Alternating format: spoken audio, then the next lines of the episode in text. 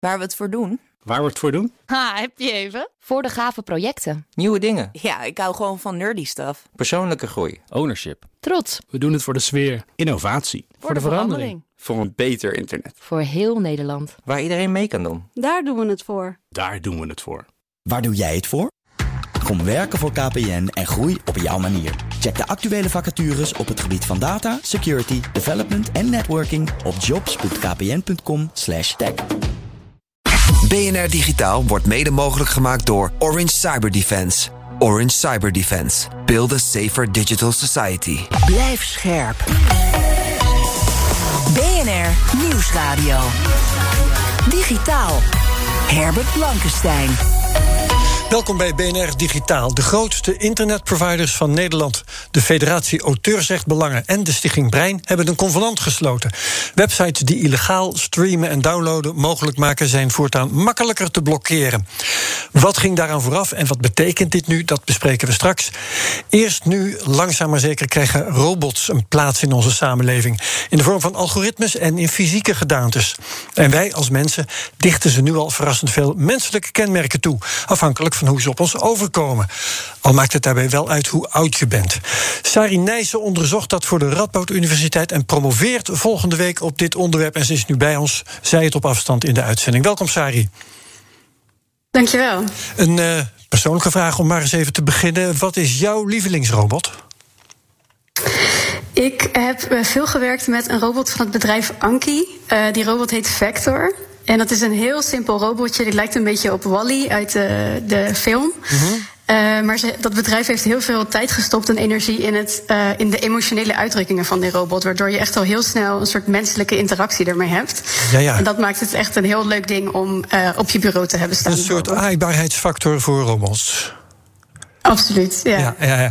Tweeënhalf jaar geleden uh, had je al een publicatie over dit onderwerp. Je vertelde daar ook over bij BNR. Um, bijvoorbeeld dat we als mensen bereid kunnen zijn om een ander op te offeren voor een robot. Um, waarom is dat zo trouwens? Dat klopt, ja. ja dat, heb ik, dat is een van de hoofdstukken uit mijn proefschrift. Uh, wat ik inderdaad volgende week ga verdedigen. Wat we daar hebben onderzocht is uh, of mensen inderdaad bereid waren om een robot op te offeren om een groep mensenlevens te redden. -hmm. En wat we zagen is als mensen het idee hadden dat een robot kon voelen, dus blij kon zijn, verdrietig, pijn kon hebben, dat ze dan veel minder geneigd waren om die robot op te offeren. En inderdaad, dus maar de groep mensen uh, nou ja, aan hun lot over te laten. Ja, redelijk um, angstwekkend, toch, of niet? Nou, daar moet je wel bij realiseren dat uh, dat soort onderzoek is meer hypothetisch. Mm. Ik kan me niet voorstellen dat in een uh, echte afweging, in, in het echte leven, mensen dat ook zo'n keuze zouden maken. Uh, maar dat soort onderzoek gaat ook meer over de, ja, zeg maar de morele intuïties die we voelen. En het laat zien dus ja. dat nou ja, de, de mate waarin mensen denken dat een robot bijvoorbeeld gevoelens kan ervaren, wel belangrijk is voor wat we denken, wat, wat we met zo'n robot kunnen doen. Of ja. juist niet. Maar dan zeg je eigenlijk ook al meteen dat. Um, wat mensen zeggen dat ze zouden doen, dat dat niet per se hoeft overeen te komen met wat ze werkelijk zouden doen. Ja, dat klopt, maar dat is, al, dat is in het hele leven zo, toch? Ja, nee, maar is dat dan niet ook een zwak punt in, in je onderzoek, als ik zo vrij mag zijn? Uh, dat mag zeker. Uh, dat is in die zin, ja, dat zou je kunnen zeggen dat het een, een minpunt is. Tegelijkertijd wordt heel veel van dit soort onderzoek ook gebruikt om bijvoorbeeld te kijken naar hoe mensen morele keuzes maken over andere mensen. Dus in die zin is het wel vergelijkbaar met veel van ander psychologisch onderzoek. Um, en we weten wel dat dit staat wel in een langere lijn van onderzoek, ook in mijn eigen proefschrift, wat op andere fronten laat zien dat die, nou ja, die, die gedachten over de, gevoelens van een robot wel heel belangrijk zijn voor ja. uh, echt gedrag. Ja. ja. Um, kortom, wat is er dan nu nieuw in je proefschrift vergeleken met dat onderzoek van 2,5 jaar terug? Uh, het is een stuk uitgebreider geworden. Dus het onderzoek wat we 2,5 jaar hebben gedaan, dat ging alleen maar over die morele keuzes. Uh, en ik heb daarnaast in de tussentijd ook onderzoek gedaan met kinderen, bijvoorbeeld om te kijken naar uh, nou ja, de mate waarin zij bereid zijn om bijvoorbeeld bereid zijn om hun eigen spullen te delen met robots. ik heb onderzoek gedaan waarbij we eigenlijk die morele dilemma's opnieuw gebruikten, maar dan de robot in de plaats zetten van degene die de keuzes moest maken. Waarbij we dus keken van wanneer vertrouwen mensen een robot om dat soort keuzes te maken ja. tussen goed en fout. Uh, dus het is een stuk diverser geworden. Ja, um, Nou, uh, groeien jongeren in een veel meer digitale wereld op dan ouderen. Mm -hmm. uh, je hebt vastgesteld dat kinderen minder behoefte hebben aan een robot die een vriendelijk uiterlijk heeft, juist dan volwassenen. Heeft dat ermee te maken dat ze meer gewend zijn aan digitale dingen om zich heen? Ja, dat zou heel goed kunnen. Ik denk um, gewoon in het algemeen dat kinderen. dat de grens tussen uh, zeg maar fantasie en realiteit is, is vaak wat, uh, ja, wat grijzer dan bij volwassenen. Mm -hmm. Kinderen hebben vaak een veel rijkere inbeeldingsvermogen. Uh, en ik moet er ook bij zeggen, het gaat hier om kinderen tussen de vier en de acht, dus echt jonge kinderen. Um, en wat we inderdaad zagen was dat het voor kinderen veel belangrijker was wat we vertelden over die robot. Dus als we vertelden dat die robot gevoelens kon hebben, dan was dat veel belangrijker dan of die er um, menselijk uitzag of niet, bijvoorbeeld. Ja. ja. Dus, ik, ik, ik vind dat verbazend. Want ik zou juist mm -hmm. verwachten dat kinderen meer op uiterlijk afgaan en dat volwassenen um, wat beter daarover nadenken, om maar zo te zeggen. vond jij dat ook ja, zo gek? Dat is of grappig. Niet? Ja, het was, het was iets wat we niet van tevoren inderdaad verwacht hadden. Uh, het staat wel um, al zeg maar in een, een, langere lijn van onderzoek. Er past het wel bij. Wat laat zien dat voor kinderen vaak de verbale informatie belangrijker is dan de visuele informatie. Ja, dus kinderen zijn dus heel rationeel in dat opzicht. Mm, ik weet niet of ik het per se rationeel zou noemen. Um, ja, ik denk dat het, dat het nogmaals ook meer te maken heeft dat zij bijvoorbeeld um, ja, nog veel meer dat inbeeldingsvermogen hebben. Dus als je gewend bent om bijvoorbeeld uh, verhaaltjes te lezen en dan stel je daar, in, dan kan je, daar kan je dan allerlei uh, mooie beelden bij verzinnen.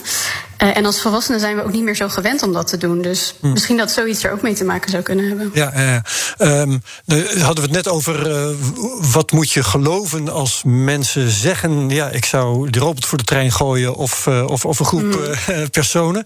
Um, ja. Maar hoe zit het eigenlijk bij een kind van vier? Hoe haal je betrouwbare informatie over wat ze zouden doen uit een kind van vier? Dat is toch lastig? Uh, nou, bij, de ki bij kinderen van inderdaad die leeftijdsgroep hebben we dus ook uh, niet gevraagd wat ze zouden doen, maar hebben we gewoon uh, echt gemeten wat ze deden. Ah. Dus in dat onderzoek kregen kinderen die mochten stickers uitkiezen om mee naar huis te nemen.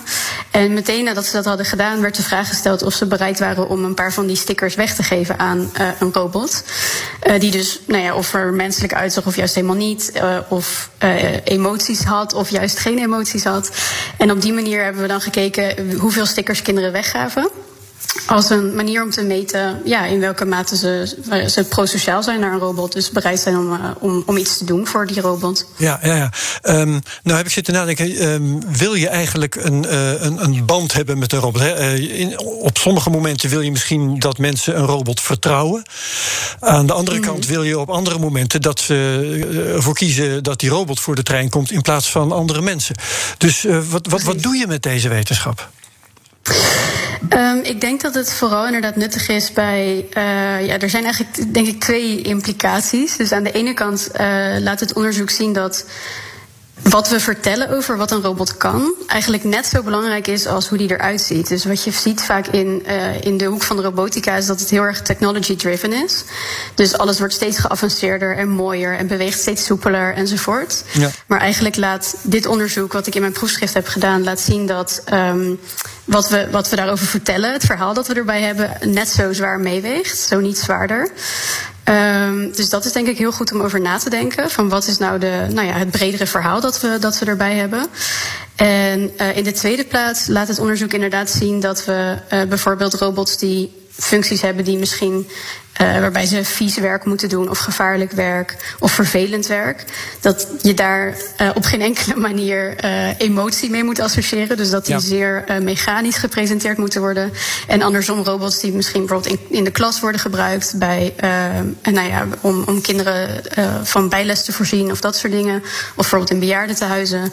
Dat je daar juist meer aandacht moet geven aan die emotionele component. Ja, ja, ja. Um, en dan hebben we het tot nu toe eigenlijk alleen nog maar over, uh, tenminste zo stelde ik me voor tijdens dit gesprek, over mm -hmm. robotjes als, uh, nou ja, uh, metalen poppetjes bij wijze van spreken. Um, ja. Soms worden kunstmatige intelligenties, zeg algoritmen, ook wel robots genoemd. Is jouw onderzoek daar ook op van toepassing? Gaan we daar ook menselijke eigenschappen aan toeschrijven? Ja, ik vind dat lastig omdat dat eigenlijk buiten uh, echt het, uh, het onderzoek zelf valt. Dus ik heb in mijn onderzoek me alleen bezig gehouden met robots. Um, de officiële definitie daarvan is ook dat een robot een fysiek lichaam moet hebben. Oké, okay, ja. Uh, maar het is natuurlijk zo dat kunstmatige intelligentie absoluut onderdeel is van, uh, ook van, van, van robots. Dat wordt daarin toegepast. Dat zit erin, ja. Ja, precies. Dus uh, het is in die zin wel relevant. En ik denk dat, uh, ja, los van dus het, het uiterlijk van, van. Want dat heeft een kunstmatige intelligentie, een algoritme heeft geen uiterlijk. Uh, maar daarvoor kunnen, daarbij kunnen we denk ik ook wel vaststellen dat er nog steeds. Dat we daar nog steeds allerlei dingen over kunnen denken. Dus we kunnen misschien de manier waarop een algoritme uh, praat uh, of zich uit. Uh, kan ook bepaalde gevoelens bij ons oproepen. Kan ons ook laten denken ja. dat, het, dat het zelf gevoelens kan ervaren of juist niet. Um, dus ik denk in die zin dat het wel van toepassing is. Maar dat is meer speculatief. Ja, um, nou um, hebben we ook in BNR Digitaal al wel eens het gehad over de rechten van robots. Uh, jouw onderzoek mm -hmm. gaat over wat voor gevoelens we aan robots toeschrijven. Nou, daar, uh, rechten voor robots zijn daar dan niet heel ver vandaan. Uh, is anders ja. bij kinderen dan bij volwassenen. Maar ik denk ook wel tussen verschillende groepen volwassenen kan dat anders vallen. Dus krijgt Zeker. die vraag over rechten voor robots... krijgt die uh, als gevolg een uh, uh, scheiding der geesten in onze samenleving? Uh, dat is een Gaan we daar ruzie over maken, ik, uh, simpel gezegd. ik, uh, ik, ik kan me, ik, ik, dat vind ik echt dat vind ik een lastige vraag. Het is zo dat inderdaad ja. um, mensen onderling ook verschillen. Bijvoorbeeld in de mate waarop ze überhaupt geneigd zijn om menselijke kenmerken toe te schrijven aan een robot. Uh, dus daarin kan je je voorstellen dat mensen die bijvoorbeeld helemaal dat niet hebben, dat die het onvoorstelbaar vinden dat een robot rechten zou hebben. Ja. Mensen die dat juist wel hebben, die vinden dat, ju vinden dat juist heel belangrijk. Maar om nou een, een, tweedeling, om het een tweedeling te noemen, vind ik misschien kan ik me niet goed voorstellen. Nee, dan. goed. Dus zo zullen we het dan niet noemen. en verder gaan we fijn afwachten hoe dat uh, gaat. Uh, um, in de maatschappelijke discussie. Overal, ja. ja precies. Ja. Uh, intussen ga jij binnenkort promoveren. Ik wens je er heel veel succes bij. En bedankt voor, uh, voor je toelichting in deze uitzending van BNR Digitaal. Sari Nijssen. Herbert Blankenstein. Illegaal muziekseries en films downloaden of streamen, dat moet nu nog een stuk lastiger worden. Tenminste, daar is het convenant blokkeren websites voor gesloten tussen ongeveer alle internetproviders, de Stichting Brein en de Federatie Auteursrecht Belangen. Maar wat staat daar precies in? Wat ging er allemaal aan vooraf? Dat gaan we vragen aan Simon Hania van de Stichting Internet Domeinregistratie Nederland en NLNet. Bij ons op afstand. Welkom, Simon. Dag Herbert, welkom. En voor een juridische toelichting ook Menno Wij van Video Legal hier in deze uitzending. Menno, goed dat je er bent. Dag Herbert, Menno hier. Ja, hoi. En uh, wie zich nou afvraagt, illegaal downloaden, doen we dat eigenlijk nog wel? Nou, volgens Tim Kuik van Stichting Brein zijn er maandelijks nog steeds 10 miljoen Nederlandse bezoeken aan de populairste sites voor BitTorrent bijvoorbeeld. En er wordt illegaal gestreamd via diensten zoals Popcorn Time. Dus, uh, Simon, jij hebt een verleden als technisch directeur bij Access for All. Um, heb jij ook zicht op dit soort cijfers? Uh, ik, ik heb er geen zicht op, maar dat hadden we vroeger ook niet, want we keken er bewust niet naar. Want dan zouden we veel te veel uh, aan het analyseren zijn wat gebruikers doen. okay. ik, ik heb het niet. Maar, maar, maar wat wel bekend is, is natuurlijk dat. ja, het begon ooit eens met het uitwisselen van tapejes, vervolgens CD's ja. en daarna MP, MP3'tjes en MP4'tjes. en vervolgens werd het streaming. Dus ja. ik, ik, ik denk dat de aantallen, hè, maar even, even kwalitatief, dat dat flink omlaag gegaan is. Want waarom zou je? Um, omdat er tegenwoordig volop legaal aanbod is, wil je zeggen? Uh, ja, het is makkelijker geworden ook. Uh, het zit ingebouwd in je tv, je hoeft niet uh, te, te klooien en het kost een tientje per maand. Ja, nou ja, en de meest prominente site, The Pirate Bay, is sinds 2018 geblokkeerd door de meeste internetproviders. nu is dus dat convenanter, waardoor de meeste internetproviders in Nederland die sites moeten blokkeren zodra de rechter dat voor één van hen heeft bepaald. Dus het, ja. de rijkwijde is nu wat groter. Menno Wij, kun jij dat, uh, dat convenant toelichten? Wat staat ja, er allemaal in? Convenant, uh, nou, de essentie is exact wat je zegt, uh, Herbert. Hè. Dus uh, het probleem voor Brein was... ik moet voor één en dezelfde zeg maar, illegale download... Moet ik, om dat te blokkeren, moet ik alle providers langs. Nou, op het moment dat er dus een uitspraak op tegenspraak is geweest... tegen één van de, zeg maar, de, de providers die zich hebben aangesloten... dan werken in feite de andere providers mee als het bevel is... u moet blokkeren. Ja, er zit ook nog wel wat nuances in, geloof ik, hè? Nou, het moet ook een beetje roleren. Uh, maar dit is, dit is mij natuurlijk wel de, de kern. En uh, het wordt denk ik wat, zeg maar, nou ja, aandikken klinkt zo flauw. Maar het krijgt zeg maar wat extra shining, als ik het zo mag zeggen. Omdat het ministerie, op initiatief van het ministerie zijn die gesprekken gevoerd. Uh, en de ACM heeft er ook een soort van zegen over gegeven voor zolang de net. Autoriteit Consumentenmarkt. is. Ja, dankjewel. dus dat geeft wel het extra cachet. Maar in de basis is het gewoon een afspraak. Is één van de partijen nou ja, een keer aan de beurt om uh, met brein de degens te kruisen. En de rechter zegt uh, in zijn bevel: blokkeer maar, dan werkt de rest mee. Ja. En dat is dus denk ik uh, ja, kostenbesparend, is volgens mij de onderliggende gedachte. Ja, Simon Hania, wat is jouw interpretatie van dit hele convenant? Uh, nou, dat het vooral inderdaad uh, snel, makkelijker uh, en beter wordt. dus het positieve vind ik inderdaad wat men ook al aangeeft. Het, het zorgt voor een kostenbesparing, maar ook bij de rechters. Hè. We gaan minder belastinggeld steken in, in de rechtspraak, zou je kunnen zeggen. Dus dat kan je positief noemen. Ik denk ook dat het effectiever is, want er is één belangrijk element. Het is dat, dit is natuurlijk niet iets wat zomaar gebeurt. Het brein moet eerst echt wel aantonen dat ja. er niks anders mogelijk was. en, ja. en, en iedereen via het convenant houdt elkaar scherp. Want zodra één partij vindt dat Brein dat niet goed genoeg gedaan heeft, zijn ze in staat om alsnog te zeggen van ik doe niet mee, daag mij maar voor de rechter, gaat het nog een keertje ja. bij ja. langs. Ja, het hele idee is om zo'n hele ketting van rechtszaken te voorkomen, want er schiet niemand mee uh, wat mee op en uh, verliezen doe je toch. Alleen als een partij, uh, een provider denkt, nou verliezen, ik weet helemaal niet zo zeker of ik toch wel verlies, dan gaan ze het alsnog voor de rechter uitvechten een tweede keer. Ja, dus er zitten best wel een paar, uh, denk ik, uh, hele praktische operationele waarborgen in. En ook incentives om het uh, echt tot het uiterste minimum en uiterste noodzaak te beperken. Ja, dat is helder. Oké, okay, um, nou hebben de providers met Access bijvoorbeeld voorop principiële bezwaren gehad altijd tegen het blokkeren van dit soort sites. De brancheorganisatie NL Connect die wil ook dat de piraterij bij de bron wordt aangepakt. Menno, waarom wordt daar eigenlijk niet voor gekozen gewoon? Nou, het zegt denk ik volgens mij niet zo dat dat niet voor wordt gekozen. Alleen uh, de bron kan uh, uh, zeg maar anoniem op het internet. En het is makkelijker, juridisch gezien denk ik, even los van de praktische bezwaar, maar juridisch gezien hè, duw je qua de content die weg moet op, dat is een inbreuk. Nou, uiteindelijk is Nederland even ook op de vingers getikt, jaren geleden, op dat illegaal downloaden, dat dat gewoon een inbreuk is. En dan is in ieder geval dat aanbod niet meer beschikbaar. Maar uh, om dan vervolgens te achterhalen wie zit daarachter. Dat ligt ja. gevoelig, want daar speelt een belangafweging. En daar heeft uh, Dutch Filmworks ook recent, wie ook recent, maar de laatste keer dat dat zeg maar, groot in de media was, uh, ja, kon ook niet aantonen dat het belang van de privacy van die anonieme, illegale meneer mevrouw uh, opweegt tegen de plannen die de rechthebbenden hebben. Ja, dan, dan heb je het over het eventueel aanpakken van consumenten. Hè? Van, uh, ja, ja, ja, downloaders. Ja, ja, ja. ja.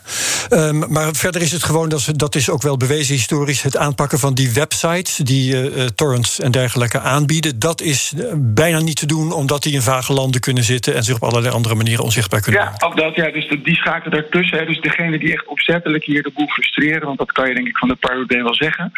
Uh, daarmee wordt het ook makkelijker gemaakt om nu via het convenant in Nederland bij een x-aantal providers te zeggen: zet het maar dicht.